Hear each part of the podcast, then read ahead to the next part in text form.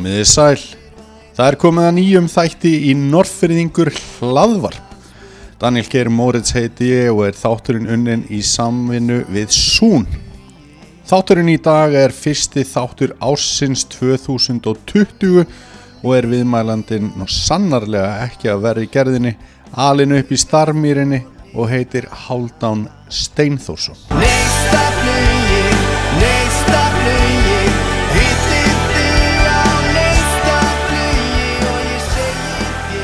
Þér Æja, Háldan, velkomin í Norrfyrringur hlaðvarp. Þakka þér fyrir. Gaman að hérna fá að ræða við þig og, og mér nokkar eiginlega að byrja þig að spyrja þig bara hvar við erum stattir. Það er þú kannski segja fólki sem er að hlusta Já, að þegar nú er ég í heimsón hjá þér já, þó að bara- þú sért í heimsón hjá mér. já, ég segi verður velkomin, takk fyrir. ótrúlega gaman að sjá þig og, og gaman að vita því sem við erum að tala við Norrfyrðinga, það er alltaf, alltaf gott. Við erum stattir í Austustræti, Austustræti 10, nána tiltekið, og 10 og 12 e, á stað sem heitir Vinnustofa Kjarval, sem er lítill staður sem við eigum hérna nýri bæ. Og þessi staður er upprunlega Vinnustofa Kjarvals. Og Kjarval bjó hérna frá 1929, þetta er alltaf brann allt niður hérna í brunanum mikla 1915 og byggt upp aftur 29 Kjarval flyttur hingað upp og var síðan alla sína daga til 72 þannig að hann deyr, var hann með vinnustofu hérna og bjó hérna og vann hérna. Já. Og í dag er þetta vinnustofa Kjarvals en það sem fyrirtæki og einstaklingar hafa þennan möguleika að vinna á daginn nú að drekka á kvöldin, Já. svolítið heimsbyggi Kjarvals Já. að, að hluta þannig að það er nú svona staður sem við erum á í dag sem er svona heila orðið mitt annað heimili Ah. Og hvernig tengist þú þessu? Já, ég er svo sem búin að vera með skrifstofu í þessu húsi í hartnær átta ár í þessum hugbúna hluta sem við erum búin að vera í hérna sem heitir GoMobile Já, Uh, svo opnum við með símfélagi í Danmörku og þá sendum við nokkra stráka út og þá var ég eftir hérna, erum við fáir eftir eða, eða ég. Og þá ákveði bara breyta þessu í svona stað. Og, og þetta er svona kallast á, á ljótur íslensku members only staður þar sem að fyrirtæki bara í öllum stærðum og gerðum hafa hérna möguleika að vinna hér í opnum rýmum. Og svo er þetta æðislegu vinn bara á kvöldin og, og svona samkomu staður svo þið sé kannski eins og í kryddsildinni sem er tekin hérna upp á, á áramótum og slíkt. Og, og hérna og ég áttum ekki vona að þetta færi svona hratt á stað þannig að þegar við opnum þetta þá bjóstum við um því takum svona tvö ára að fylla þetta hérna en, en nú erum við fullir eftir, eftir rúmt ár. Og hér er ekki líka góð móbæl hérðan bara úr, úr hérna svo sem er svo venjulegu stól eins og maðurinn sagði. Já, og, og Damerkur hérna prógramið er bara í gangi á sínum stað og, og hér kemur saman fólk úr öllum stjættum og öllum geirum að, að vinna og, og njóta og hafa gaman sko. Já. Þannig þetta er svona kraftmikið samfélag bara sprota fyrirtækja eða Já, hvernig- ég myndi ekki segja kannski sprótafyrirtæki Já. en, það er svona blanda af öllu hér erum við með staðstu fyrirtæki landsins við erum Ok. með pólitík, við erum með lítil sprótafyrirtæki við erum með nýsköpun, vísindi við erum með hérna entertainment þannig að hér er svona smá söðpunktur af fólki sem er að gera skemmtilega hluti Já, og, og hérna og eiga kannski það samílegt að hafa metna til þess að fara í einhverja átt Mhm. og geta svona talað um eitthvað sem að þeim hendar hverju sinni þannig að þetta er búið skemmtilegt samfélag og svona jöfn blanda af konum og köllum og ungum og gömlum og, og hérna einhvern veginn þannig þetta er svolítið eins og að vera heima á Norrfyrði já. þetta er svolítið samfélag þar sem allir þekkjast og geta svolítið treyst á hvern annan sko. Og ég mitt það sem þú varst að vitna til aðan það sem að kryddsíldin hefur verið tekinu upp þá ertu náttúrulega með sérstaklega skemmtilegt útsýni hérna í, í allar áttir. Já, já, ég meina útsýni hérna yfir Östuvöll er stórkostlegt. Já. þetta, er- þetta er ekki búlandið þótt að það sé fallegt en, en yfir Östuvöll og, og hérna þú horfir allavega keili og sérði raun og verið nákvæmlega sama útsýni og Kjarval sá hérna 70, og, e, á þessu tímabili þá deyr 72 Mhm. að þá erum við með Hotel Borg og, og hérna og og, hérna, beint í hásöður Já. og svo horfum við á landsbankan náttúrulega í, í norður sem er mjög, Já. mjög fallegt líka. Já. fallega byggingar og skemmtilegt umhverfi. Mhm. þannig að fyrir sveitastrákan sem mig finnst mjög gott að setja svona í hjarta borgarnar en hafandi sagt það, þá fyrir, fyrir mér er ég oft svo sem nefnda í bí nýr, nýr bæ líka og hús hérna aðeins ofar í brekkunni. Ok, og vinn hérna nýr í bæ og strákarnir mínir ganga í skóla hérna í Vesturbæðaskóla og kona mín er með stofu hérna nýr í bæ. Þannig að miðbæ Reykjavíkur er minn Norrfjörður já, hér er mitt fólk bara alveg eins og þetta var heima. Ég labba í vinnuna, úr vinnunni strákarnir mínir og konan gera slíkt þið sama. Já. ég get fengið mér eitt drikk eftir vinnu ég vil það og getur allt mér heim. Þannig að þetta er aftur komin heim Já, þetta orða já, þannig sem er já, streglulega gott. Já. Það er nú svona samlíking, samlíking sem að fáum myndi örgulega þetta í hug til, til svona anstæðina á milli Já, en það eru samt sko. ekki, þetta er ekki miklar anstöður, þetta er anstæður, þetta eru, þetta er, þetta er rosa lítill hópur sem býr hérna í bæ Já, og hann tengist vel. Já, og mikið til er þetta landsbyðafólk gaman að segja frá því. Ok. Og, og, og hérna að geta labbað um svæði þar sem allir þekkja alla er skemmtilegt og minnir mann á, á tímana heima. Já, ok. Sem er reglulega gott sko. Tímana heima, þá skulum við venda okkur kvæði í aðeins í kross. Og, og, færa okkur hérna, hvað 600 km loftlínu eða hvað Já ég held að sé 600 ára aftur í tíman ekki alveg. Já ok, förum þókað Hvenar ferð þú svona kannski fyrsta muna bara eftir þér á veist, hvað er lítill haldan og brasa og Sko, þú ert fættuð þar já, alveg já, fætt, svoleiðis, ég er já. alveg fættur uppalinn Já. þarna Mhm. og meiri segja sko, það er oft erfitt að átta sig á tíma og rúmi sko, Já. þegar maður er sko, nánast fættur í sama húsinum að bjó í alla, alla sína tíð Já, þannig að aldurinn maður skilgrinir ekki alltaf hvort að maður þryggja ára eða sjö ára. Nei, veist, að, með aðra sem að kannski hafa flutt á milli húsa og milli sveitafélaga eða slíkt að þá geta það svona tengt við nýjan skóla eða eitthvað, eitthvað Ég til dæmis get það, veist, ég flytt sex ára í hús sem mamma og pappi búi í dag sko. Akkurat og þá getur þú sagt já, fyrir þann tíma var ég Akkurat, eitthvað. akkurat eh, Sko, ég náttúrulega, þetta voru svona þrýr megin partar í mínu lífi sem krakki. Það var Starmýrin, það sem að og pappi búa og búa enn þann dag í dag. Svo var það Kirkjumelur, það sem Haldán og, og Begga, Amma og Afi byggu og svo var það Jón Gamli Guðmundsson sem að átti fjárhús sem var á hotninu þarna við, við Starmýrina eða eh, upp við Mýrarnar. Og þetta voru þeir þrý staði sem ég var á öllu jöfnu. Ah. og hópurinn var lítill, þú veist, í kringum hann þegar maður horfið tilbaka. Þetta voru eh, hérna frændur og, og vinir úr hverfinu sem að hafa síðan haldist í hendur alla tíð síðan svona svo sem mislangt handaband eðlilega. En, en svona fyrstu minningar eru náttúrulega úr starfmýrinni og innan af kirkjumil það sem við vorum náttúrulega mjög mikið og, og fengum að, að leika svolítið lausum hala. Og líka ef við færum okkur kannski örlítið lengra yfir fjalli þá vorum við talsvægt á reykjum líka í mjóafyrði svona yfir sumatíman þannig að þessar mi- minningar allar svona blanda svolítið saman og allar eru þar ótrúlega hlýjar og góðar og, og ég segi oft og, og hérna sem að kannski sérstaklega útlendingar er erfitt með að skilja að ma- ég upplifa alltaf eins og ég er í 1500 manna fjölskyldu já, á hinum enda landsins. Og það er svo tilfinning sem ég hef alltaf Já. bæði því ég kem þá og hugsa tilbaka það er ekkert nema góðar minningar af góðu fólki í, í góðu umhverfi. Þannig að hún myndist á ömmuðinu á að ég ætla þá að byggja um að gera þá kannski svona ennþá frekar grein fyrir þér fyrir þau sem er að hlusta og vita kannski ekki alveg hverju fóreldraðinnar Já. eru og, og, þar fram að tökja Akkurat, ég heiti semst Haldán Steinþórsson og er sonur Steinþórs Haldánarssonar sem er búin að vera skipstjóri ansi lengi hjá Sildafislinni og, og Sigriða Víum, hans dóttir frá Reykjum í Ófriði og Amma og Afi sem satt inn á kirkjumil voru Haldán Haraldsson og Bergljótt Einarsdóttir. Og, og þau voru ansi gott fólk og svo sem við kvöttum þau bæði á síðasta ári.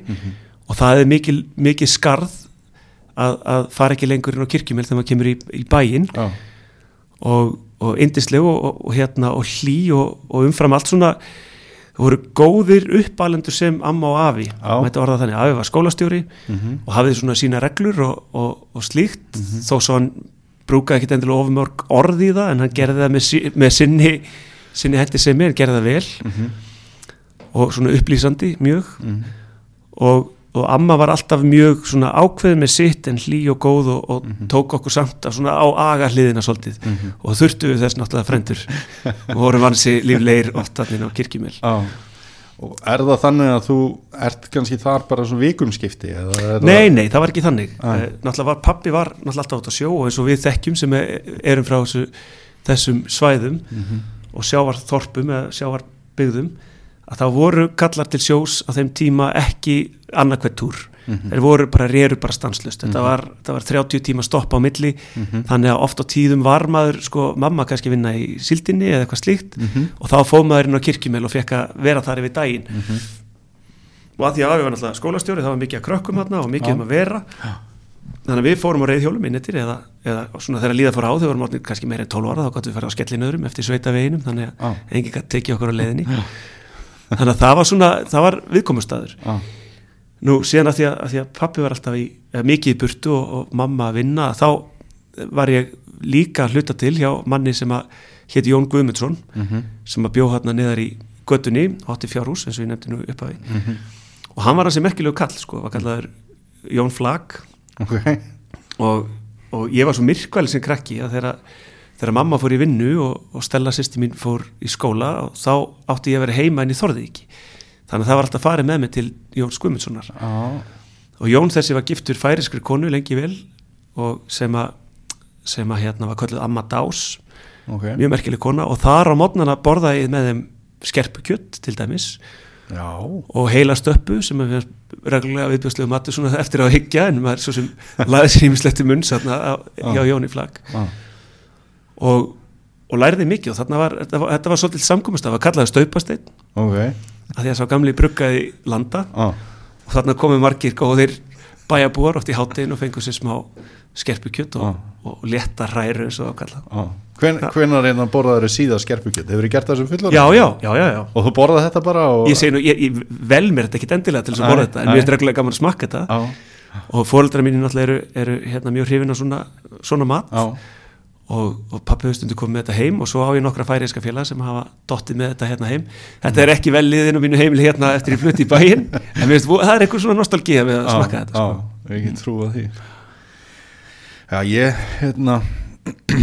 tengi vel við líuna sem þú lýsir á kirkjumel og, og var nú stundu fengið þarna í desember mánuði til að taka mér ákveði hlutverk. Já, já, já, og, og hérna, þá var reglulega gaman að, að hérna, taka þátt í því fyrir krakkana í, í sveitinni sko. og, og hérna, þetta er náttúrulega paradísa staður. Þetta, þetta er það og náttúrulega nafni minn, Haldán hérna, gerir náttúrulega ansi fallega hluti þarna með skóraktina og svo var, var hann ótrúlega fróður kall bæði með örnefni og gaf náttúrulega Akkurat. út bók um, það. Og svo bara um allt sem snýrað sérstaklega plöntum og steinum og fugglum og, og öllu slíku. Og var náttúrulega refaskitta yfir, yfir sumatíman þegar hann ekki var að kenna. Þannig að við fengum hans mikla fræðslu bara svona um svona nærum hverfið okkar, náttúruna og það sem þar er. Og, og, og, og ég held að þetta smita svolítið mikið eiginlega í alla fjölskylduna við sískinabötnin erum við höfum svolítið græna fingur auðvitað mörg meira en önnur og, og það er ennþá sko, sískinabötn heima á Neskupstað sem er á fulli í skóratafélaginu og slíku og ég held að þessi kveikjan sé náttúrulega frá honum afa. Þannig að þetta var mikið og svo var þetta alltaf mikið samkomu staður mm -hmm. sko sískinni pappa eru, eru fjölmörg og heldur það nú verið sjö á tímabili. Mhm. sjö eða átta jafnvel. Og, og öll bygguðu nema eitt á Neskustad og einn sýsti sem byggu upp á héraði. Mhm. þannig að komu allir saman. Það var borðað mikið flatbrauð og, og skrafað mikið og, og hérna minnistæði þeir tímar þegar afi reykti inni þá þátti þetta mjög fínt að sitja þarna í króknum og, og reykja svona kannski 20 kamel fylltislösa svona með kaffinu og eitt Já. sigumóla Já, og þarna kom fólk saman og satt og, svona náinn hópur sem hittist alltaf á jólum og svo var batna hérna skemmtanir og, og slíkt jólaböll og svona sem þú kannski þekkir vel jafnvel. Þannig að kirkjumelur var rosa mikið hjarta fyrir okkur í fjölskyldunni. Þannig að það er mikil sjónasviftir að, að fólkinu, en það, það fekk að lifa mjög lengi mm bæði hávöldruð og hérna allir afi hafi verið ekki orðin átt- 93 ára og amma ja, 92 eða 3 líka. Já, þannig að þau fengu alveg, fengu góðan tíma sko. já, einmitt. En þegar þú ert hérna uh, útfrá og í starfmýrinni Já. og þarna og hvað, og þá er ég að tala um svona áður en að úlingsáring kannski taka við og hvað hvað ert að brasa? Við höfum verið, held ég, óttalegi prakkarar þannig í göttunni, við vorum mikið í og Gretar frendi minn, Sigurðarsson Mm. og Ásmundur Helgi Steindorsson og Addi, Mhm. þetta var svona mínu bestu vinnir og svo náttúrulega að sjálfsögðu var þetta samheldin bekkur, þetta voru held ég 27 bekkjasískinni sem voru saman í, í sem fylgdu staðfræði í, í, í 0 bekk og upp úr. Og, og draupnir hún er hefur haldið vel utanum hennan hóp eins og hann er einstakur í að gera. Mm og svona svolítið eins og andarpappi heldur utanum okkur öll og, og fylgist með allir sér að gera réttu hlutina sem er mjög gott. Já, en við vorum, við vorum voða duglegi strákar, við vorum Marta Baukan, alltaf veitum voða mikið eins og flesti krakkar og strákar þessum aldri, vorum mikinnir á bryggju að veiða. Við vorum svo sem ekki og, og kannski ég og Gretar ekki svona genatíst góður íþróttamenn Mm. endilega sko, ok. Vorum alveg með en við vorum ekki líklega til afreika sko. Æ, voru fáir velunarpenningar á veggjarum hjá okkur. Og kannski fyrir betur inn á það síðar Já. hérna hvernig, hvernig svo leið fór. En, en hérna það var alltaf á þessum tíma sérstaklega vorum kannski 6-7 ára gamli þá var verið að byggja byggðina fyrir ofan þessum Karljón er Mhm. sérst upp í Hrafsmýri og, og, og Valsmýri og þessar mýrar hérna fyrir ofan.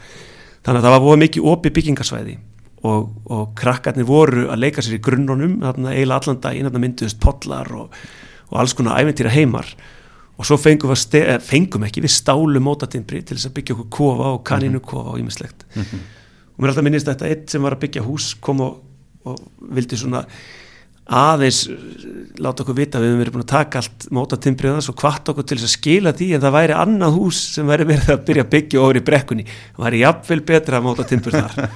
Þannig að kofasmíði var náttúrulega mjög hátt skrifuð. Já, og ætluðu við okkur að verða stæðstu kanninu bændur á landinu. Já, og er svona sorgarsaga við, við reistum mjög fallegan hérna, kannu kofa og, og Ágúst nágrann minn var svona meira í, hann var, var dúfnamaður mikill og, og safnaði dúfum og fekk við nefnið Ágúst Dúfa sem nú, hekk lengi vel á hann, ég held að sem vonandi horfið. En, en kaninu bændur ætluðu við að vera og áttum orðið held ég ykkur 20 kaninur og þóttu okkur það ansi mikil útgerð. Já, og svo snjóaði hann mikið hennan veturinn og, og svona einhvern veginn glemdist þetta hjá okkur að, að við höfum lagt upp með hennar búskap. Þá kom til svona kannski hálfu mánuði setna þegar fórum að grafa upp kofan og þá kom nú í ljósa að, að hjörðin hefði nú minkað talsvert. Já. þannig að fóreldrar okkar tók okkur aðeins í gegn og við fengum ekki að vera með kannu mikið eftir það. Nei, æ, þannig að það er endað svona okkar búskapur okkar drengjana í hverfinu. Já, þetta voru alltaf og eru mínir svona og ég segi oft sko bæði þeir strákar og krakkar sem að var með þarna í í barnaskóla og heima sem er rólst upp með og líka þeir strákar sem ég var með á sjó setna á, á lífsleginni ég líti á þetta alltaf sem svona mína svona minn kjarna. Þetta er svona það fólk sem að mér þykir hvað vænstum þegar maður horfir yfir heldina sko. Og átti kannski svona hvaða sterkastan hlu- þátt í ásamt e, forfeðrum og, fjölskyldu að móta þeir bara? Absolutt, þú getur eftir ímyndaðir í litlu samfélagi eins og þú þekkir þar sem að þú ert með sömu krökkunum allan ásinsring, hvort sem það er í skóla á veturnar eða íþróttastarfi á sumrin. Og enda þetta er dag mani held þú veist, maður man eiginlega hver á ammæli á hvaða tímabili maður man símanúmerinn, þú veist hérna 4, 7, 7, 16, 65 og allt þetta, já. þú veist og getur svona þrætt sig í gegnum þetta þótt ég muni engin símanúmer önnur í dag æ. þá man ég þessi símanúmer svona hjá Ég mér langar að fá að skjóta inn í sko, við vorum með hérna, fermingabarnamóti fyrra Mm. 20 ár frá því að við fermtumst og, og hérna var ég meitt að tala um minni að maður kannski hefur, er sendur út í búð að kaupa tvo hluti. Svo er maður í dyrunum og konan segir herri, já og svo vantar líka gúrku. Já maður bara svona, já, eða blegjur Já, já, já, já. sko, og maður bara hendist að stað. Svo mann maður fyrstu tvo hlutinu og þarf að ringja til að spyrja hvað þriðju fyrir hlutinu var. Og ég var að segja um svona að þetta væri svona, svo sátum við svona í ring og ég sagði síðan hvenar allir áttu ammali Akkurat. myndi þetta en svo getur maður ekki munað þrjá hluti sem var á að kaupa þegar maður er út í búð sko. þetta, er- þetta er langtíma minni sem kemur líka held ég veist, á stað þar sem hann er líður vel með fólki sem hann er líður vel. Þá er ekkert sem maður þarf að útiloka úr huganum. Þetta er, þetta er fallegi tímar. Já. og fyrir mér er þetta svona bara og ef, ef, sko, sem betur verið er þetta fyrir tíma social media eða svona Já. samfélagsmiðla. Akkurat. það var enga myndir teknar nema þú veist örfáar sem betur fer ég held að ég myndi ekki vilja drengjandi mínu myndu sjá allar myndir sem að og þetta atvik sem þarna átti sér stað. Já, en, en minningin er svo falleg. Já, og, og ef það var sumar það var bara sól. Og ef það var vetur það var bara snjór. Þú veist það var aldrei slappdagur eða, eða þókudagur, Nei. þeir eru ekki til. Það er alltaf bara góðu dagarnir já, koma. Og svo mann maður eins og segir maður mann símanúmer, maður mann göttu heiti og þetta allt saman hjá vinnum og bekkjasískinu stöku bílnúmer er ennþá, ennþá vinni sko. Þetta alg, algjörst Ha. sem er mjög, þetta er mjög skemmtilegt já, sko.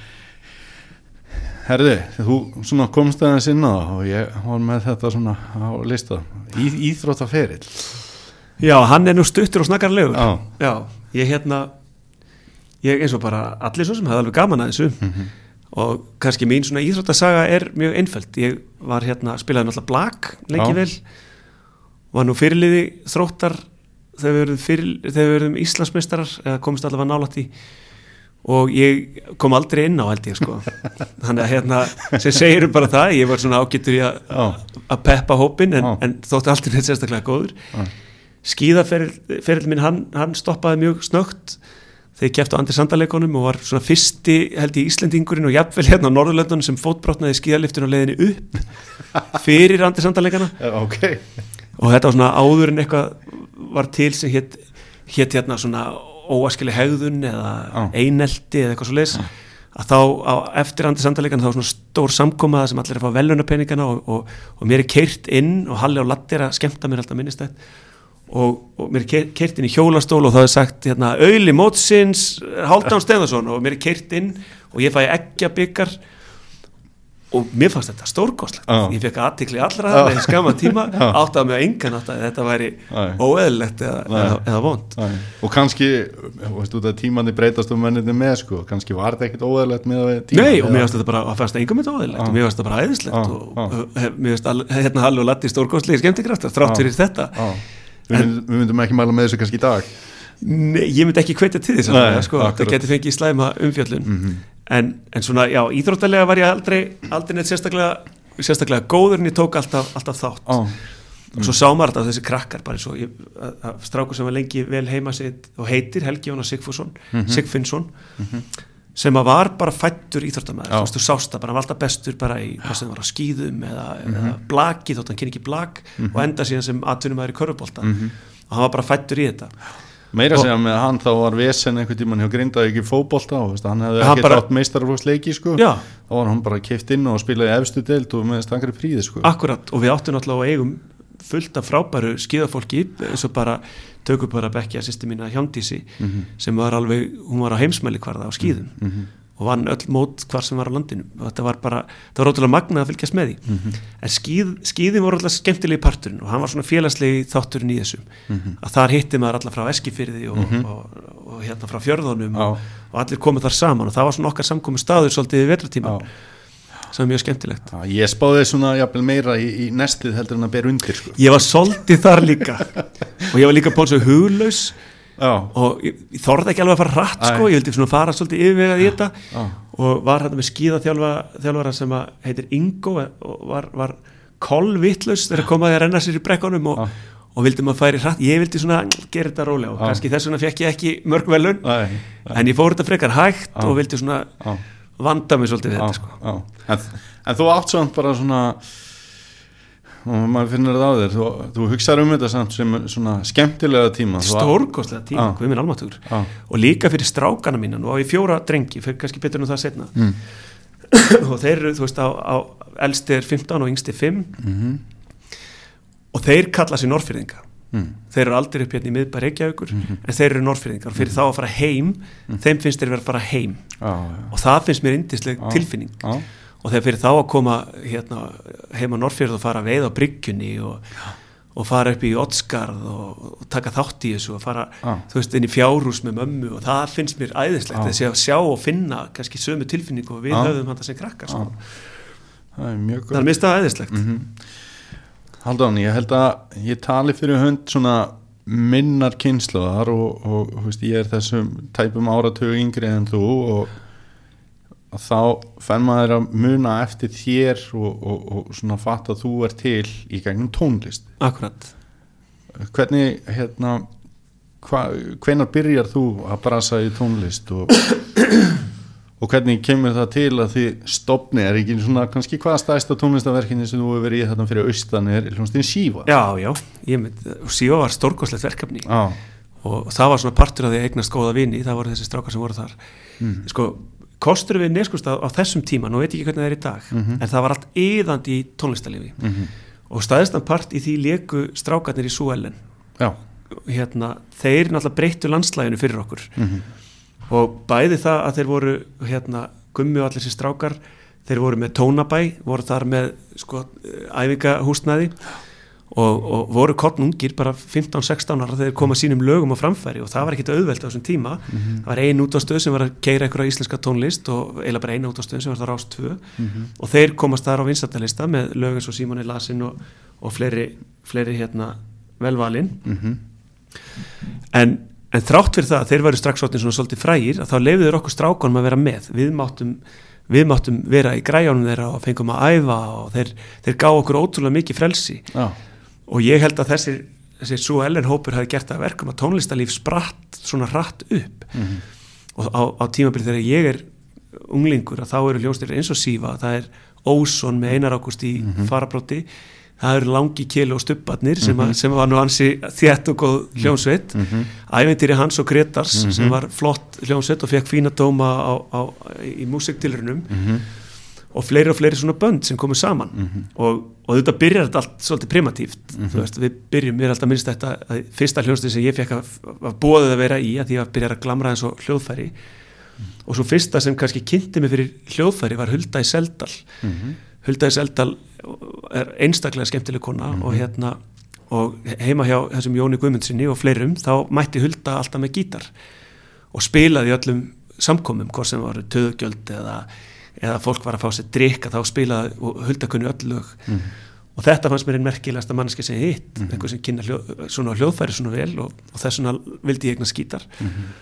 Komst nú einhver örfa á tími í tónlistaskólanum þá til ég þá til ég datt og braut gítari minn en svona reyndi að fela það fyrir fólkdurum mínum og æfiði mig þar að lendi sjálfur svona til þess að ná þessu upp. Ok. Og kannski ekki með meiri árangur en, en það að ég var ráðin í hljómsveit sem að hétt Kill sem bassaleikari. Ah. Og þarna voru merkir menn inni, minnir Einar Björn hefði verið þarna og, og, og Datti, kallaði Datti Djöfull. Flott, einstak, einstaklega magnaðan áki og Keli og held ég hefði verið þarna líka. En ég sér ráðið sem bassaleikari og svona á æfingu tvö komaði saman og segja, herðu hérna, við höfum ákveða að vera ekki með bassaleikara í þessar hljómsveit. Ah. og mér þótti nú hansi skrítið að vera með þungararsljónsett sem ekki hefði bassaleikara. En þess að ég hafa svona búin að hugsa þetta og ég held að þetta sé svona niðurstað, við ætlum ekki að vera með Nei. bassaleikara, þetta var svona falleg leið til þess að láta mig fara. Og, og svo sem kom ekki að meira kannski tónlistabröldi fyrir en síðan alltaf kemur maður í bæinn sem að heitir Ólafur Sigur, Óli Sig sem að kom sem kennari, ekki þá Óli íþróttakennari sem hann kallaður, heldur Óli Sig sem kom þá að kenna okkur í tíundabekk og hann svona ruddi og undan sér talsveit mikill í tónlist líka og, og var í því að búa til svona fyrstu tíundu bekkja skemmtunina þar sem allir fengi að taka þátt og allir var að syngja og allir var að spila hljóðfæri og, og Jón Hilmar Kárasson mætti og tók fyrsta svona tveggja handa gítar sólóin sinn og þetta var, svona, þetta var hansi skemmtilegt. Og þetta ítti ég hef hort á þessa skemmtun. Já, þetta var regla fín skemmtun. Ég meina, Kynnir var Finnbói Jónsson þá var hann til fórstjóri síldafislunar Mhm.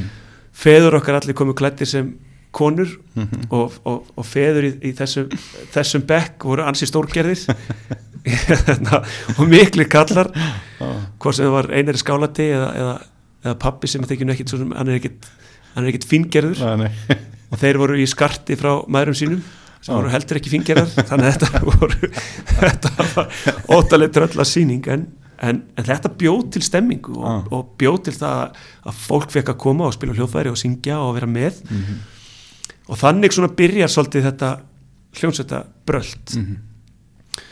Og svo náttúrulega var Óson til sem var hansi flott hljómsveit og ég byrjaði þar sem ljósamaður.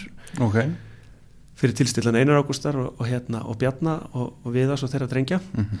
og svo stopnum við sífu í kjölfarið. Fyrsta nafn sífu var við svo Allot Immuk Mhm. sem að var gummi dolla aftur á bakk og okkur fannst það okkur fannst það ansi skemmtilegt nafn að því að, að því að hérna, Bekkja sýstur okkar var, var dóttir þess góða manns sem, að, svo sem hvað ekki við svo löngu síðan en það var nú meira gert til þess að, því í, í, í atomstöðinu sem var svona okkar okkar samkomu staður sko var stór speill á vegnum og ef maður setti nafnið á hljómsveitin á veggin allot immúk þá gæti maður sé gummi dolla ef maður ah.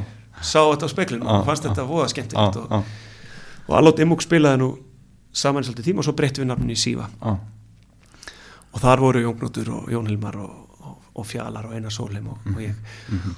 og svo Addi, okkar maður Ásmundur Helgi Steindórsson, hann var síðan svona ljósamaður og, og perkussanmaður, þannig að þetta var hljómsveitin ah.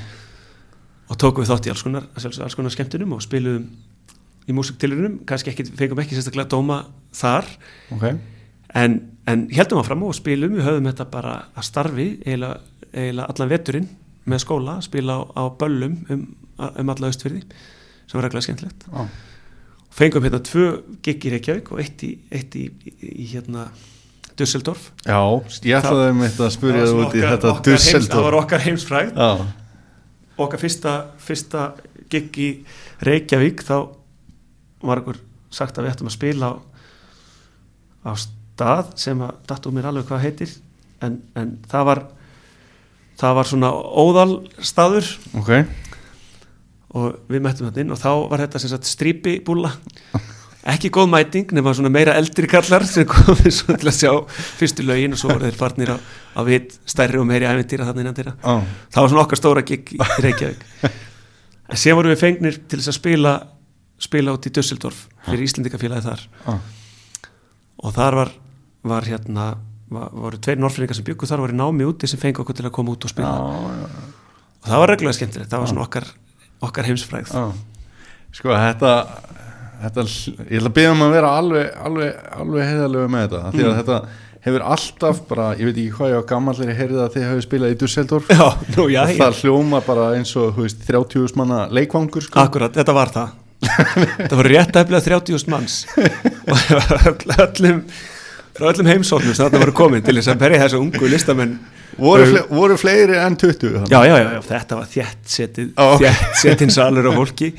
Ok, en auðvitað svo sem Íslendingafélagið Dusseldorf líklegast kannski ekki skráð sem staðista Íslendingafélagið Nei. en það voru þarna það hef, það, jú, allir ekki verið 150 manns, Já, ok, eitthvað svoleiðis, ok. þetta var alvöru gig sko, þannig að sko en geimdu endilega í minningu þetta atriðum þess að 30 eða 300.000 manns sem þarna voru. þannig að þetta var búið skemmtilegt og, og við fórum hann að þvældust aðeins um og, og læriðum nokkur velvalin þísk orð og sendingar sem að sem voru, komu sér vel setna á lífsleginni Sko- sko Jóni Hilmari hefur verið líst að hafa verið sögð um hann svona frekar mikil lýsingar sem gítarleikara Já. og, og, og ég held meira að segja að einhvern tímann hafi verið skrifað um hann sem svona eitt best geinda leimdamáli bara í íslenski tónlist Mm. og fannst þú þegar þú ert þarna að byrja að garfa með honum í, í hljómsveit að þarna væri svona svona flinkur gítarleikari áferð eða Sko, tekur það kannski svona meira við setna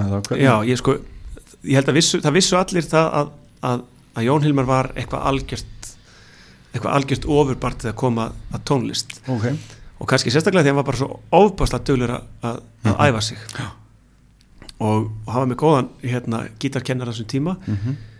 Hann Rapsson Þröstur. Þröstur. Rapsson, já. Mhm. og, og, og Jón var rosalega yðin við að æfa sig og hafði sér einstakt eira fyrir tónlist Mhm. og öllum röddunum og svona. Ég, ég aftur á móti er engi tónlistamæður Mm. ég var óttalega trúður. Ok, gat kannski ekki endilega sungið en gat komið alveg upp svona fítni stemmingu. Ok.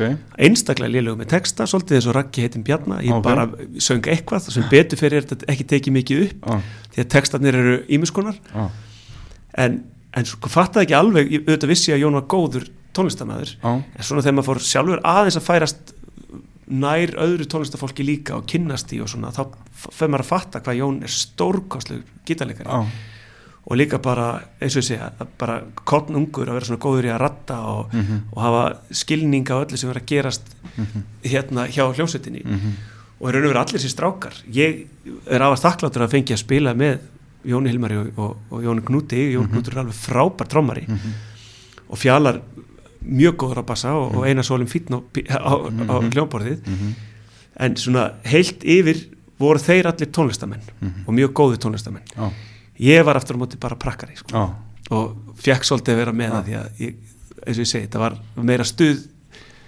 en, en ef, ég, ef þeir hefði fengið að velja lögin öll, það hefði verið svona Marillion stemming, það hefði verið svona meira upper class pop sko, ah, en, en, en svona fór þetta, ah. þannig að ég fekk að fljóta með þeim í gegnum þessi ár sem voru mjög skemmtileg. En þið voru samt að hjóla í Child in Time og eitthvað svona? Já, já, já, það voru tekin alveg rándir lög sko, ah, og ef þú hlustar á Tjeldin Time að Já. þá getur rétt ímyndaðir hvort þú þurfur ekki talsveit mikla söngur til þess, að, Já. til þess að flytja það. Þannig að við rettum því með að hafa svona góðan gítarleikar eins og, Jón Hilmar sem kann tekið háu nóturnar eiginlega bara á gítarinn sko. við sleftum, sleftum, sleftum öskrinu. Þannig að það var re- reglulega flott. Og ég held að sko ég held að hérna að, að ef að sífa hefði haldið áfram og þeir hefði valið sér og fundið eitthvað svona alvöru músikant, eitthvað alvöru söngvara með sér þá hefði orðið alvöru hljómsveit. Ef þeir hefði viljað vinna við þetta ah, eitthvað lengi sko. þó ég held eh, og svona, ég fer síðan úr því að, að vera í sífa heima á Norrferði, flytjandi Reykjavíkur tók þátt sem sagt í söngjum og sem Veitu, gekk, Hvað hvað laga það til? það var með? Cosa della Vita með Eros Ramazotti sem, sem var þýtt sem, sem hérna drauga draumi Mhm, af Stefán Hilmarsinni mhm, og, og þarna komst ég á velunapall sem var reglulega skemmtilegt. Mhm. og fyrir vikið var hljómsveitin sem var í söngjum framháskóluna strákusneitt Snorri Baron sem var þar á gítarinn og, og fleiri sem settum saman bara nýja hljómsveit þegar ég kom í bæinn. Já, já, og svo hljómsveit fekk nafn, nafnið Baron Funkhausen ok. Og þess vegna skilur Snorri þessi eftir sér nafnið Snorri Baron sem hefur haldið svona stæðstöðuliska stofur hérna í bænum. Og þegar ég hætti sín tónlist ég fatt að mér langar ekki að gera þetta þetta er ekki það sem mér langar að vera að gera. Hmm. af því að bæði sá ég að, að ég ætti ekki beint framtíð í þessu því að ég væri, væri ekki nógu góður í þetta þótt ég hefði alveg gaman að þessu mm. en það væri þetta ekki framtíðastarf fyrir mig. Ok, en ég fekk að skýra hljónstunni upp á nýtt þegar ég hætti og ég og Snorri og, og skýrði hana Jaguar. Þannig að Jaguar átti síðan ansi flottan og góðan feril já, í, í framhaldi. Ok. Þannig að það er svona lauk svolítið minni svona, svona löngun í það að verða poppari. Og svona hvarveila bara rétt eftir ég byrjaði í bænum þetta Já. átti ekki við mig. Með því að stopna Jaguar já, það var svolítið þannig. En ertu ekki að gera kannski svona, ég segi ekki lítið úr þér en, en kannski ekki jafn hátt undir höfði og, og, og mörgum þykir með söngavelikana? ég, ég, sko, ég ég segi sko bara, ég er svona típiskur svona partísöngvari, ég get alveg sungið eins og hver annar í partíum. Já, en til þess að verða tónlistamæður þá þarf maður að hafa eitthvað Mhm. allt annað, ég hef það ekki. Ok. Þú veist, ég get alveg glamra mig gegnum einhver lög og gítar og eitthvað svona. Mhm. svona nægilega mikið til þess að fólk haldi ég kunni eitthvað. Já, þetta er svona svolítið eins og fer inn í tónlistabúð og þú tekur eitthvað stefur einhverju lægi til þess Já. að leifa öllum að halda og kunnir eitthvað meira og kunnir. En ég svona, ég flaut svolítið gegnum þetta þannig og, og, og, hérna þakkláttu fyrir að vera með svona góðum tónlistamennum eins og þessum strákum sem að eru ennþá að, bæði Jón Knútur er að tróma núna með. Gumma og, mhm, og hérna og Jón Hilmar náttúrulega á flegi ferð sko. Ég held að Fjalar og, og, og Einar Sólum séu kannski minna í tónlist heldur, en, heldur en þeir ættu að vera í raun og veru. Já, en ég held að sko ef þú myndir spyrja þá félaga mína hvort að ég hefði verið góðu söngvari þá, þá held ég að þú fengið sama svar frá þeim og eins og ok. frá mér sko. Já, ok. Þannig að hérna, Já. en ég plumaði mig alveg í gegnum þetta sko. Já Þið voru náttúrulega þarna og, og, og það voru náttúrulega líka síðan sem kemur á eftir eða síðan þannig að hljómsdinn Júkon sem að einmitt Sævar Sólheim og einmitt, Egils og þeir voru í og, og svo þarna á undan einmitt Ósson sem varst að tala um veist, þið voru náttúrulega bara stórstjörnur fyrir krökkum á Norfeyri Já, alveg svo sko bara eins og Sue Ellen var stj- stórstjarnar fyrir okkur og, og Amon Ra var stórstjarnar fyrir Sue Ellen þannig að tónlistin hefur svolítið við erum, við erum, við erum, sold, við erum, við erum næstum því Liverpool. Veist, við erum frábært fótboltalið. Og hérna sem Já. var þróttur nes Já, austri fínt en þróttur nes er alltaf hjartað. Þú veist það er fyrir mér. Já, og, og svo með þessar popstjörnur sem að voru veist, og voru að syngja og spila Mhm. heima á Norfrið þetta, var, þetta er mikið tónlist að hjarta. Mhm. og Ágúst Ármann náttúrulega var svona, sko, burt sér frá Suellen strákum og, og þessum hóp. Að þá var það síðan Ágúst Ármann sem var síðan svona guðfaðir Já. svolítið, hann og, og, og hérna, og þessir kallar í kringum hann sem að snýra á Amon Ra, sko. Mhm, og Einmitt. góðast agalega flott að vita að, að þú veist, Óli Gjöfur og hefði neitaði að vera í hljómum og mhm, hefði frekar komið og sungið með Amon Ra. Þetta Mhm. fannst okkur, þetta voru stórstjórnur sko. Já, já, þannig að þetta var skemmtilegt. Já.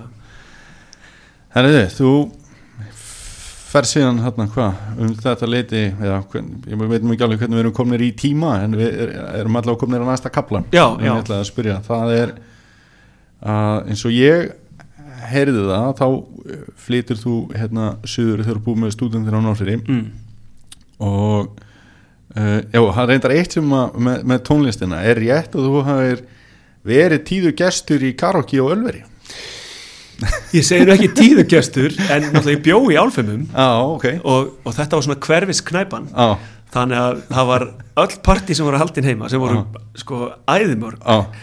Og þetta var sko þetta er, þetta er þeim tíma þegar þegar sko þú, ég var fyrstur eiginlega til að flytja í bæinn eða svona með fyrri, fyrri úr vinahópnum. Já, og það voru alltaf öll partí hjá okkur. Já, veist, og svo kom margir sem maður hefði verið kannski með á sjó eða þú veist, ég byrjaði á sjó alltaf 15 ára mhm, eða vinir og svona sem voru að koma og fenga að gista.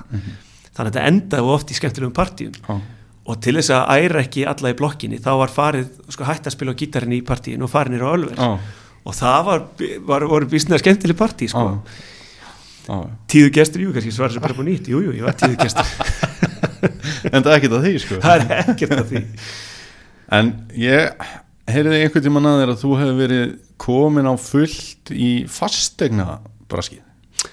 Já, sko, þegar ég þess að fyndi sko hvað maður ef maður, ef maður horfir á sko Norrfjörð eða Neskjöpstað, mm horfir sín á Reykjavík og horfir sín á New York, þá er þetta allt sami staðurinn Já. nema heima á Norrfjörð var bara einn pöngari Mm. í Reykjavík voru þeir 50 í New York eru þeir 5000 Mhm. heima á Norrfjörð var bara einn sem mætti í jakkafötum Mhm. sem ég þekkti eða þekkti, eða vildi þekkja. Og, og hann hétt Jón- og heitir Jón Guðmundsson og átti fastegnarsölu í Reykjavík og mér fannst hann mjög merkilegur og fá að vera í jakkafötum fannst mér mjög flott. Mm. og þegar ég flytti í Reykjavík það fyrsta sem ég geri er að segja um vinnu hjá Sævari Karli sem var þá svona eina high-end tískufata verslunin í Reykjavík. Já. og, og í kjölfarið fer ég í fastegna hlutan en, þarna byrja ég á Sævari, labba hann inn og, og er að byrja hérna í skóla og hérna. Og, og spyr hvort mér fá vinnu. Mm. ég vil fá vinnu í fataverslun Mm.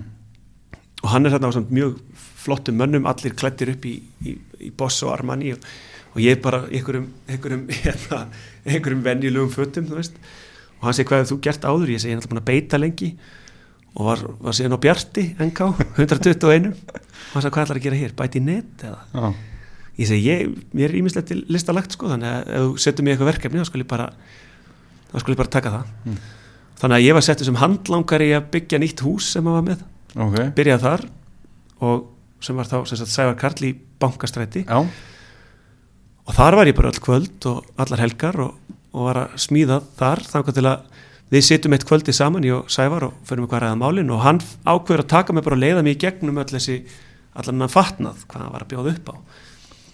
Og ég spyrir hvort ég mætti fá að reyna, pröfa taka eina vakt í búðinni og úrvarð að ég var þar alveg í, eitt og halvt ár Já, ok. með skóla og, og alltaf og þar kynntist ég fullt af, mik- fullt af fólki Mm. og fólki sem ég þekki að þetta er dag Mm. og meiri sem margir hverjir sem eru viðskiptavinn mér hérna upp á, upp á kjærval Já, já. sem voru þá kannski að taka sér fyrstu skref í pólitík eða, eða viðskiptum eða slíkum Mm þannig að það var mjög skemmtilegt og í kjölfarið þá, þá hugsaði mér hvað mann þekki sem hefur verið í jakkafötum það er Jón Guðmundsson, hvað gerir Jón Guðmundsson hann á fastegnarsölu Mhm. ok, ég ætla að fara í það Ok. Tók smá sprett í því, líkaði ágætlega Já. og svo fekk ég svona eiginlega bara má segja, svona, fannst mér ekki passa inn í hennan heim en að jakkafatta heim Já. mér fannst þess að ég ætti eitthvað eftir ég ætti eftir að gera eitthvað Já. þannig að einn góðan við þetta ákvaði ég að, að segja stopp við lífskeiðakaplöpi Mhm. og tók öll fötu mín og allt dótið mitt og brendi það Mm. og sendi út fréttatilkynningu og bauð fólki að koma með mér og búa í kommunu í London. Ok.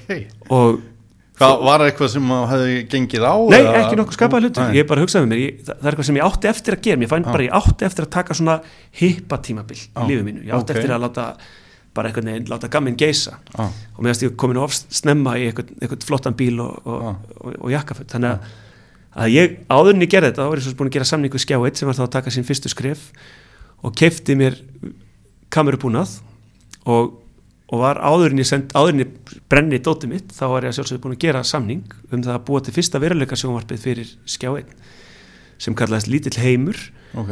sem að, sem að hérna var tekin upp í London og ég bóða fólk til mín með því að, að, að leia trukk sem kerði laugavegin hérna allan með lagið Road to Nowhere með Talking Heads og ég laðast að einn berfættur með trukkin undan mér og inn í þessa göngu komu 250 manns og úr því komu 8 manns með mér og fluttu með mér til London Já, ok. og þar flytjum við út í fyrst sagt, til þess að búa til hennan sjónvarsþátt sem var síndur í þætti sem heit þátturinn sem var svona innskot í þætti hjá Dóru Takifús á Byrni Jörundi þessi flottur þáttur Já. Og, og við byggum sérst í ár úti. Nema rétt á henni fyrir út þá hitti ég gamlan kall á fastegnarsölunni Fold hjá Viðar Böðarssoni og þessi gamli maður er breskur og við fyrir eitthvað ræða málunum ég fyrir að segja hann frá þessari hugmyndafræði. Mér langi að brjóta upp og þú veist, mér finnst allt leiðilegt sem festist í of lengi í skorðum. Þannig að hann sagði hérna er nafnspjaldi mitt. Ef, þeir, ef þú gerir þetta og treystir í þetta þá máttu endilega hringi mig og ég verð til að heyra mér að þessu ef ég get eitthvað aðstofa þig úti. Og svo kem ég út með nýju mann segi ég og átta Íslendingar bara með videokameru og, og hérna og seldi allt sem ég átti hljóðfæri mín og allt drastlið til að eiga fyrir hóteli fyrir krakkana meðan við verðum að koma okkur fyrir. Og þá kemur ljós að það er ekki hægt að fá íbúð í London nema að vera með bankarekning og ekki bankarekning nema að vera með íbúð. Þannig að það er svolítið, svolítið óþægileg stöðu. Þannig að ég fann þetta nafnspjald í Vassan ringi í þennan mann sem að heitir Professor Ali og nú ennþá á lífi og Professor Ali þessi er miljardmæringur, vissi ekki að því. Ok, þannig að hann segir, ég fyrir á hittan út í Weybridge sem er réttur utan London og hann segir bara að eðislegt þú skildi gera þetta, dáist að þér hérna, ég skal lána þér íbúð. Ég á íbúð hérna er í Canary Wharf í bankskverfinu, þú mátt fá þá íbúð og, ef þú getur sínt með fram á það hvernig þú ætlar að stopna bankareikning án þess að eiga íbúð eða hafa íbúð þá langar mig að sjá það þannig að þegar þangað komið kem ég með þessa Íslendinga með mér og þá er þetta sem sagt 350 fermetra pentás íbúð með sundlaug. Þannig að lífskeiðakaplipið var ekki langt í burtu. Þannig að þarna upphóst svona eitt skemmtilegsta tímabil sem ég hef upplifað. Ah, það var að búa í kommunu og ég lagði upp með að það var bannað að, að horfa á sjónvarp. Og eina sem átti að vera inni voru hljóðfæri og bækur. Og svo voru allir að finna sér vinnu einhver staðar á kaffihúsum og svo leiðis og svo voru allir bara að hippast. Og þetta var í heilt ár. Þetta var ok. ótrúlega, ótrúlega skemmtileg tímabil. Ah, og þarna fekk maður að pröfa alls konar hluti kynnast alls konar fólki sem maður hefði ekki átt vona að kynnast og ah, þannig að þetta var mjög skemmtileg tímabil. Ah. þessu hefur væntalega fyllt svolítið skemmtana líf? Já, en samt ekki sko, ég vil alltaf minnist þetta ég var að, ég held að móður minn hafi haldið að fikk heila blæðingu Mm. fara í þetta, vittleysu að úr einhverju örugu einmitt, og bara, þú veist, í, hvað ég væri að gera hvað rugglega þetta væri. Ah, og í svona hétinni tíu myndi nú sko vera rólegur í öllu. Og hefur svo sem aldrei verið mér finnst voða gaman að fá mér lettvin og bjór sko en mm aldrei neitt meir en það en ég, sagði, veist, en ég er að fara að vinna þessa vinnu þannig að ég get alveg fengið mér. En, en auðvitað var þetta síðan sko svona helsti Íslendinga djamstaðurinn. Ah, þarna komu hljómsveitir eins og Trabant komu og voru hjá Já, okkur heila helgi og svona hópar sem voru í London og vissi af okkur í þessari pentásýbúð þannig að það var stórkoslegt tímabil. Ah, En auðvitað var þetta, sko, ég hugsa með mér að ef ef að börnin mín myndi taka upp á þessu núna og segja neila hætta í, í, hérna, í háskólanámi og fara í kommunu, ah, ég tæki það ekki í Nei, sko. Eða þú veist þannig. Nei. En ef maður hefur pröfað það í skinni, þá er þetta samt merkilegt hvað kemur út úr svona. Bara að, að kynnast alls konar fólki, sko. hvernig valdist þessi hópur sem að vildi fara með þér út?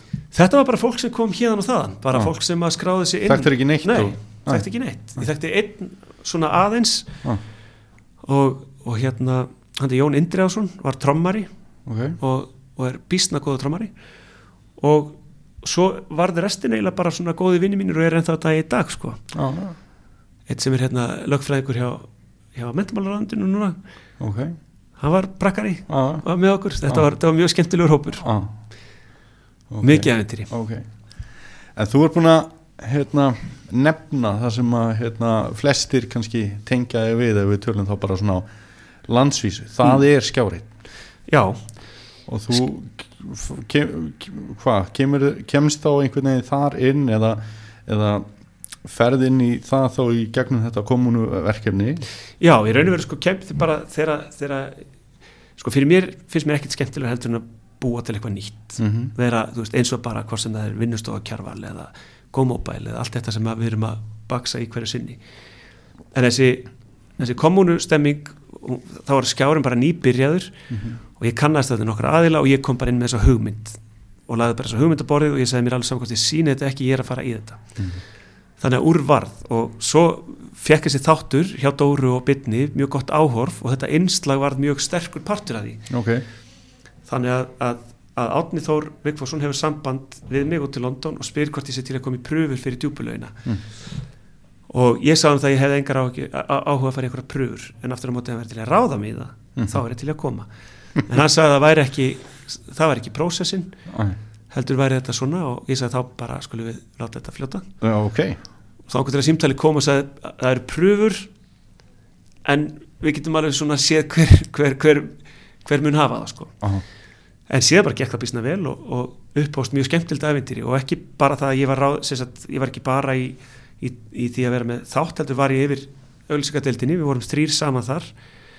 Ok, ég og, og Hannes Steindarsson sem er hérna er svona mikill fastegna maður hérna í Reykjavík og Helgi Björnsson, músikant, við vorum með þessa deild já, ok. á svona nokkru góðum í viðbútt en þetta var mjög fjörugur hópur. Ah, þannig að þetta skjástímabil var ótrúlega skemmtilegt og það var svona af fólki sem var að gera endalust kreatífa hluti. Mhm. nýju þættir, ný tónlistaratri það var engin peningur, við verðum öll einhvern veginn að lemja okkur í gegnum þetta með nýri dagskrágerð bara sem dæmi eitt, eitt, eitt sumarið þá hérna þá var engin dagskrá fyrir sumarið við áttum enga, skjárin átti enga peninga. Hérna, þannig að þannig að strákur sem heitir, sem heitir Kári sem var að vinna með mér ölskadildinni ég sagði hann, hefur okkur búið ekki til þátt bara með þér og Villa bróðinu, Villa Nagbit þeir vorum í Nagbitunum, sem heitir út að grilla með Kára og Villa. Og þið fáðu ekkert borgað en þið getið fengið, þú veist, fullt af fríum bjór og, og steikurnar sem þið grillið. Mm. það bara, heyrðu, gerum þetta, gerum þetta í gang. Þannig að þetta var aðeinslegu þáttur, sumarið eftir þá var heldur ekkert budget til fyrir, fyrir þáttagerð. Þannig að þá ákveði ég að setja saman hóp af, af norrfyrringum og fleiri aðilum sem við köllum hérna hljómsveit Íslands Mhm. og byggum til fyrstu sko, heimatilbúnu hljómsveitina. Og, og ég fekk gamla rútu frá, frá hérna, plóter félaga mínu sem var í sniglabandinu og við gerðum hana upp, tókum hana nætulegi tvær nætur röð og, vorum, og lögum hana til og byggum til hljómsveita þátt og þessi hljómsveita þáttur og síðan var mjög skemmtilegu með Hlín Ben og fleiri innanbóls Orri Smárásson og Orri Smárásson, akkurat, toppstrákar og var mikið skemmtilegt æfintir, fekk gott áhorf. Og svo var úr þessu nælon sem var síðan framhald þáttur árið eftir. Og þær stelpur síðan reyndu fyrir sér í, út í heimi. Og þetta var svona partur af því að vera í skapandi umhverfi með skapandi fólki. Já. og þetta var einstaklega skemmtilegt tímabil. Já. og og, og, hver, og, og þú verður bara landstektur og hefur vantilega fundið fyrir því já, þe þetta náttúrulega var staðsta sjónvasefni á þessum tíma. Já. þetta er 2002 og 2003 og svakalega og- mikil svona gróska og, og, og já, svona, var svona ákveðin augrun við kannski sjónvastöðuna sem höfðu verið og koma með eitthvað svona all, allt annan valkost. Já, þetta var óbúslega mikið uppbrott og Já, að brjóta upp eitthvað sem sko með frítt sjónvarp með ungu fólki sem var að gera eitthvað skemmtilegt. Og þetta var fyrir tíma samfélagsmiðla Mhm. sem gera verkum að þetta var samfélagsmiðlin Mhm. þarna fylgdistu með og, og það voru tveir, þrjir staðir í bænum sem að þessi strákar áttu Mhm. sem voru svo Prikið og, og Torvaldsen og þessi staðir og þarna voru við alltaf, allir Mhm. hópurinn sem var að vinna þarna var alltaf þarna, þannig að það voru raðir, þú veist, í allar áttir af fólki að Mhm. koma inn og skemmta sér nema bara áður en ég fer, fer í þetta þá var ég náttúrulega, var náttúrulega alltaf á sjó en þegar ég flytt heim frá London að þá fer ég og náttúrulega kem svolítið tilbaka með skottu á milli lappana frá London, búin að eða öllum peningum og umfram það, þannig að þá voru ekkit annað að gera hættur en fara aftur á sjóin og ferum bara í beiti og tek henni verti þar Mhm. og svo eina kvöldstund þegar við áttum að fara út á sjó og þá er ekki farið út af veðri og ég fer upp í hóteli Eisbúð eins og við gerðum allir, alltaf Mhm. til að fá okkur einn ein bjór og þar lappar inn manneskja sem hefur breytt allu lífið mínu og það var kona mín í dag, hún Erla Bjóstóttir Mhm. Og hún er að koma lappandi inn í Eilsbúð og það var ekki farið út á sjó þennan dag þannig að ég sá hana bara hann í hurðin og þá vissi ég þetta og hún vissi þetta og við höfum verið hjón eða par allar götu síðan. Mhm. og þetta er 2000, og- 2002 þannig að þegar að í raun og veru sko djúpalögin stóð sem hæst og var svona mesta sprellið í kringum það að þá voru beinar útsendingar á, á með minni förstaskvöldum og þegar að allt hérna krúið og all, all liðið fór og við kláruðum útsendingu kannski um 11 eitthvað svo liðis og þá fór allt krúið nýr í bæ en ég fór upp í bíl og kerði norður á Akureyri því Erla var þar í skóla. Já, ok. þannig ég kerði norður eiginlega hver einstu helgi. Já. þannig að það var svona það var svona mitt djam á þessu tímafili var mest megnis að keira norður þannig að En hvernig, og veist eins og þetta konsept, ef ég mætti hérna fá þau bara til að taka veist, ör útskýringu á hvað djúpalögin var. Veist, þannig að einhverju er hlusta sem að jafnvel kannski aldrei heilt talað um hennar þátt. Já, hvort sem að þeir eru eldri eða yngri. Og svo er kannski sem er kaltænislega við bæði djúbulögina þar sem er norrfyrringur svona hvað skerasta stjarnan. Og hérna í Kleðarsveit Ingól sem var þessi hljómsveit Íslands það voru tveir norrfyrringar og hleinu benn samtið þeirra vinsulustu lög. Já, já. þetta var ekki syngt á norrfyrri nei, en það er samt sko, málið það að fallega við norðfriðinga að við erum eins og síkilegingar við, við vitum alltaf ef eitthvað kemur upp og þá við, erum við bak í bak. Mhm. svolítið eins og vestmanneika líka. En, en hérna en djúpalegin var tekin upp á reyðafyrði og var til á vídeolegunni heima á norðfriði þannig að ansi margi gátu hort á djúpulegina á vídeospólu, það var mjög skemmtilegt. Ok, en síðan hrindum við að staða söfnun og Síldavinsland tók þátt í því að kaupa hérna sendir sem var síðan farið með upp á, upp á fjall sem kom skjánum nýra á Norrfjörð Mhm. þannig að skjárin var skjárin var langstæðstur hérna á, á, á Reykjavíkusvæðinu Mhm. á Stór Reykjavíkusvæðinu og svo náttúrulega breytist mikið náttúrulega þegar kom á, á Akureyri og svo austur á land sko.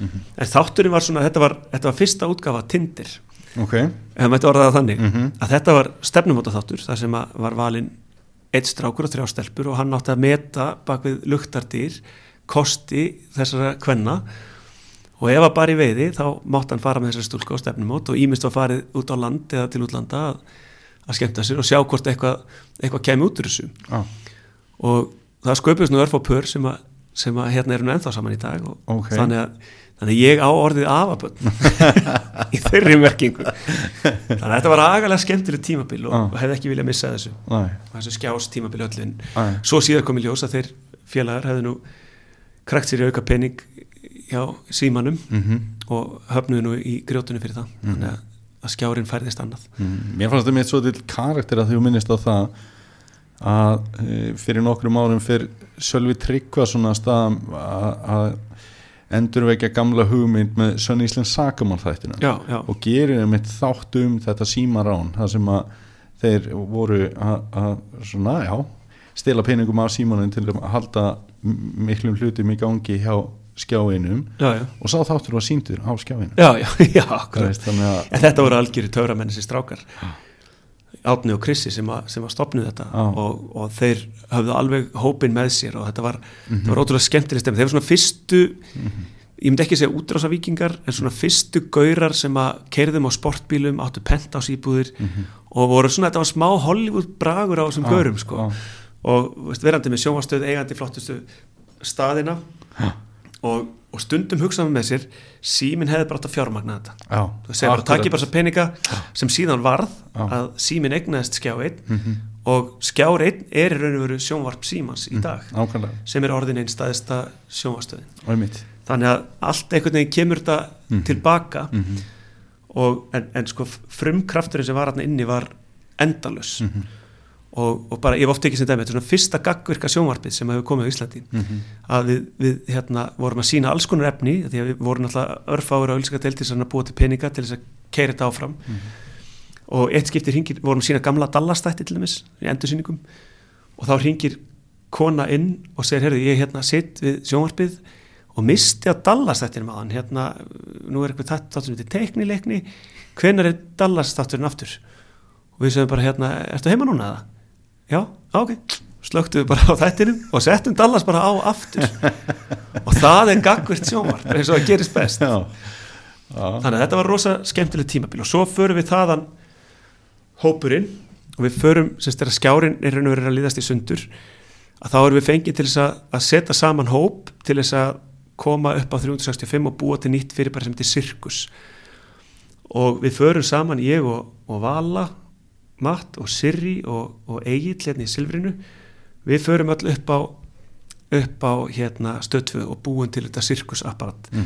og sirkus var sjónvastöð það fór allt undir sama hatt FM 957, Exit og allt saman í þennan sirkusheim. Og þar byrjum ég og Vala Matt síðan að vinna saman og, og voru sem við þátt þar í ár. Þangur til þetta saminast í raun og veru allt aftur yfir í stöð 2 og út á stöðunar og ég og Vala vorum síðan með þætt, þætti þar saman í ykkur 2-3 ár.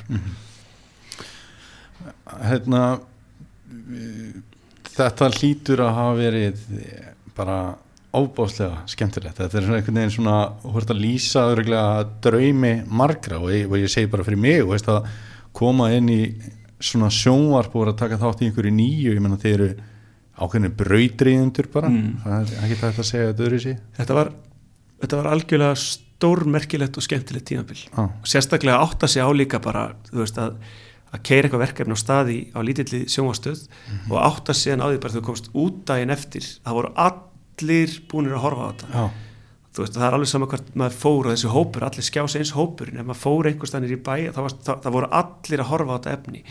Sem segir manni það að á þessum tíma var pródusjónin eða, eða hvað sem við viljum kalla það eða, eða hérna svona Rú var miklu vandaðir í sjónvastöð Mhm. stöð 2 var það líka Mhm. þannig var bara svo mikill frumkraftur Mhm. og við höfðum leifi til að gera allt að þetta kostaði ekkert Mhm. fyrir fólk að horfa á þetta Mhm.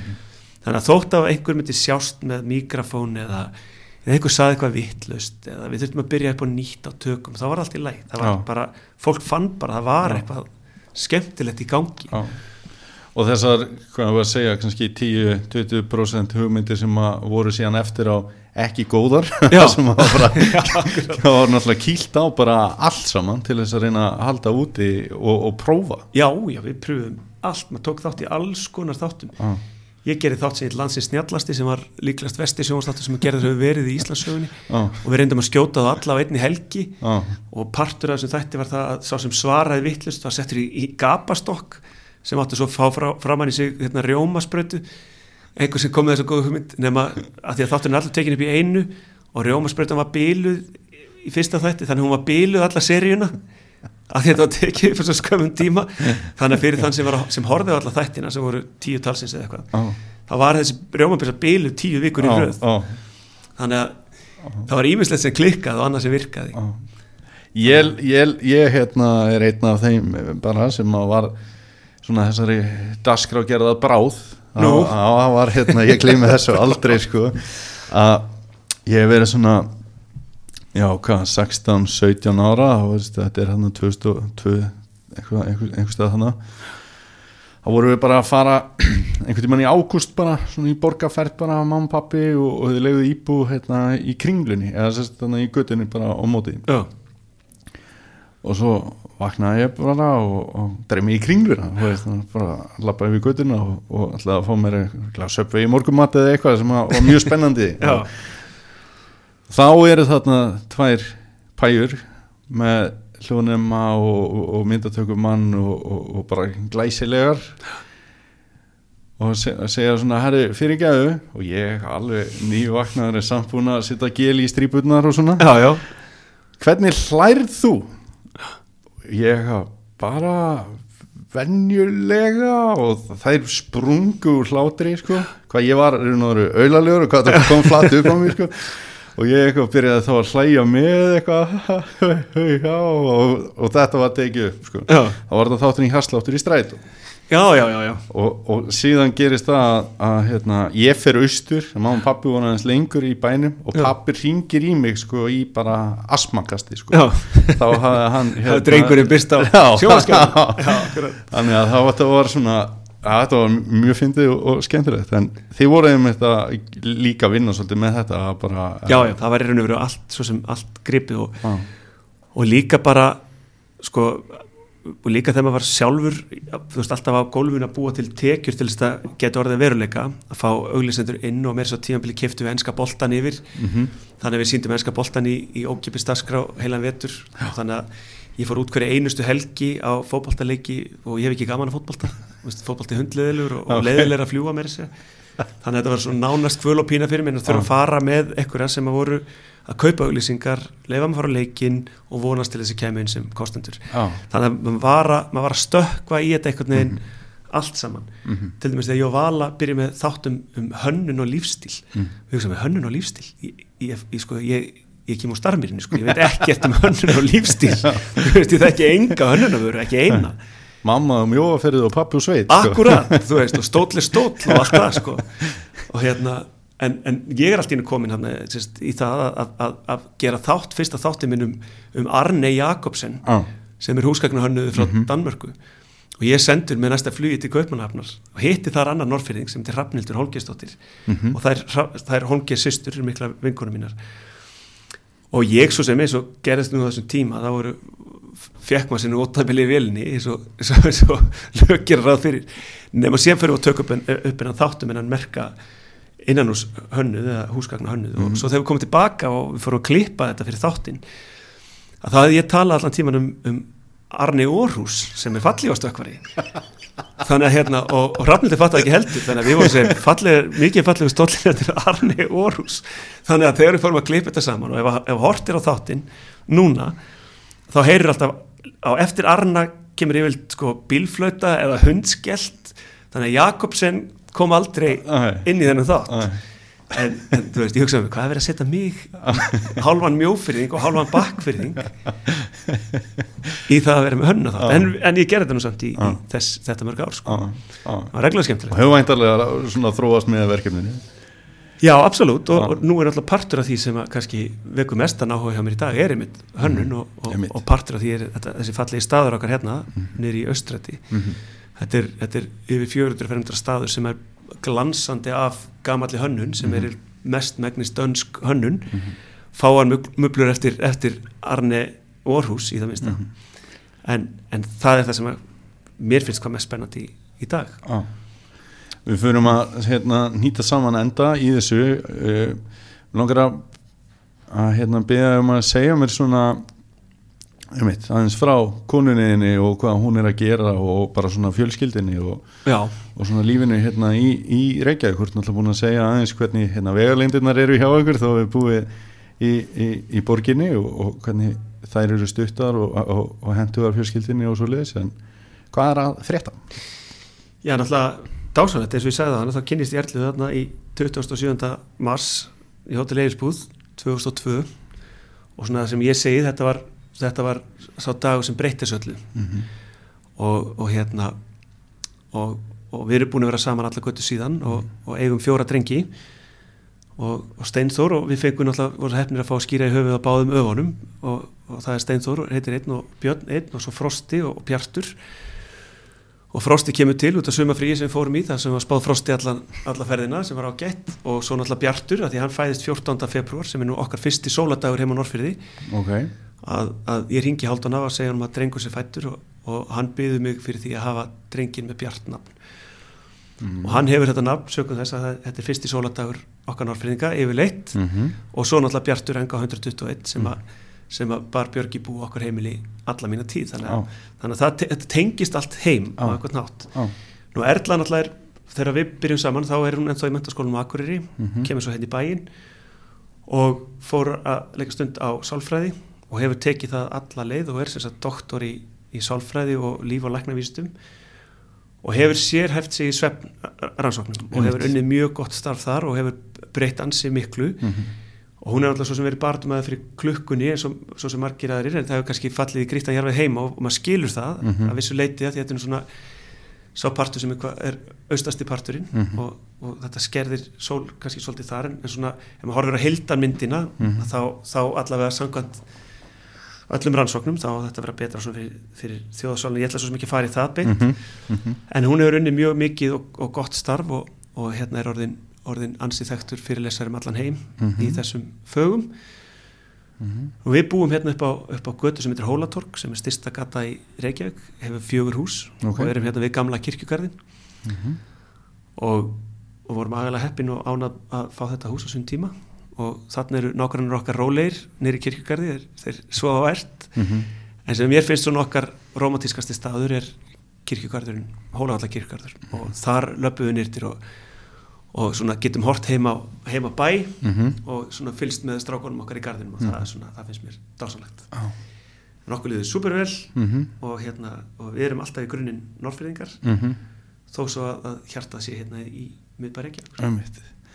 Það langar mig að spyrja það á lokum. Þetta er svona spurningin sem ég spyr eða alltaf í lokin á þessum þáttum.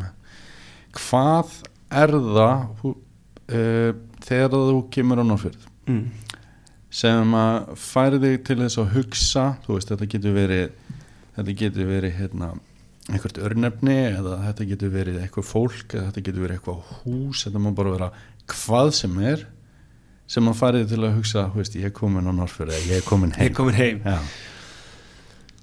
Sko, ég held að það sé, sé ótal margir þættir, Fyr, fyrir mig var það alltaf auðvitað svo beigja farin núna, en það var að sjá skuggarliðina byrtast og horfa inn í bæ þegar maður kom á Otskarði einmitt. Og auðvitað sjá Norrfjörðagöngin mér varst það alltaf svaka stór partur af því. Já. og ég er ennþá að venjast í að koma keirandi Mhm. innan um Fannadal. Mhm. mér finnst það skrítið Mhm. síðan finnst mér gamla Súnhúsið þar sem að SVFN merkið var og hétt á gamla fristihúsinu eins og það var. Þar var, þá var ég komin heim Já, ok og nú er þessu hús öll orðin náttúrulega blá og, Já. og, falleg Já. en það var stórt merki, stórt SVFN merki sem að byrtist manni þegar maður kom fram hjá hestúsunum Mhm. að þá var það, þá var ég komin heim Mhm. og svo sjálfsög kirkjumelurinn og svo bara koll á kolli eins og, eins og við öll þekkjum sem kom heim það er minning í hverju húsi og, og, og hérna og landsbankatröppuna voru okkar svona útöfustasvæði Einmitt. þar sem allir voru að fykta við að reykja eða að drekka kaftin í kók og skirpa og okula skirpa Já, og hérna það er, og ég segi römmis og taug að, að eiginlega flesta minningar sem byrtast manni þarna í fyrirðinu fagra já. kveiki þessar góðu minningar. Hvað heldur að mamma þinn hafi flakað marga fiska í þessu fristihúsi? nokkra, Herrið Haldón, mjög gaman að spjalla við gangið vel áfram í þínu og takk fyrir að koma í spjall. takk hjá fyrir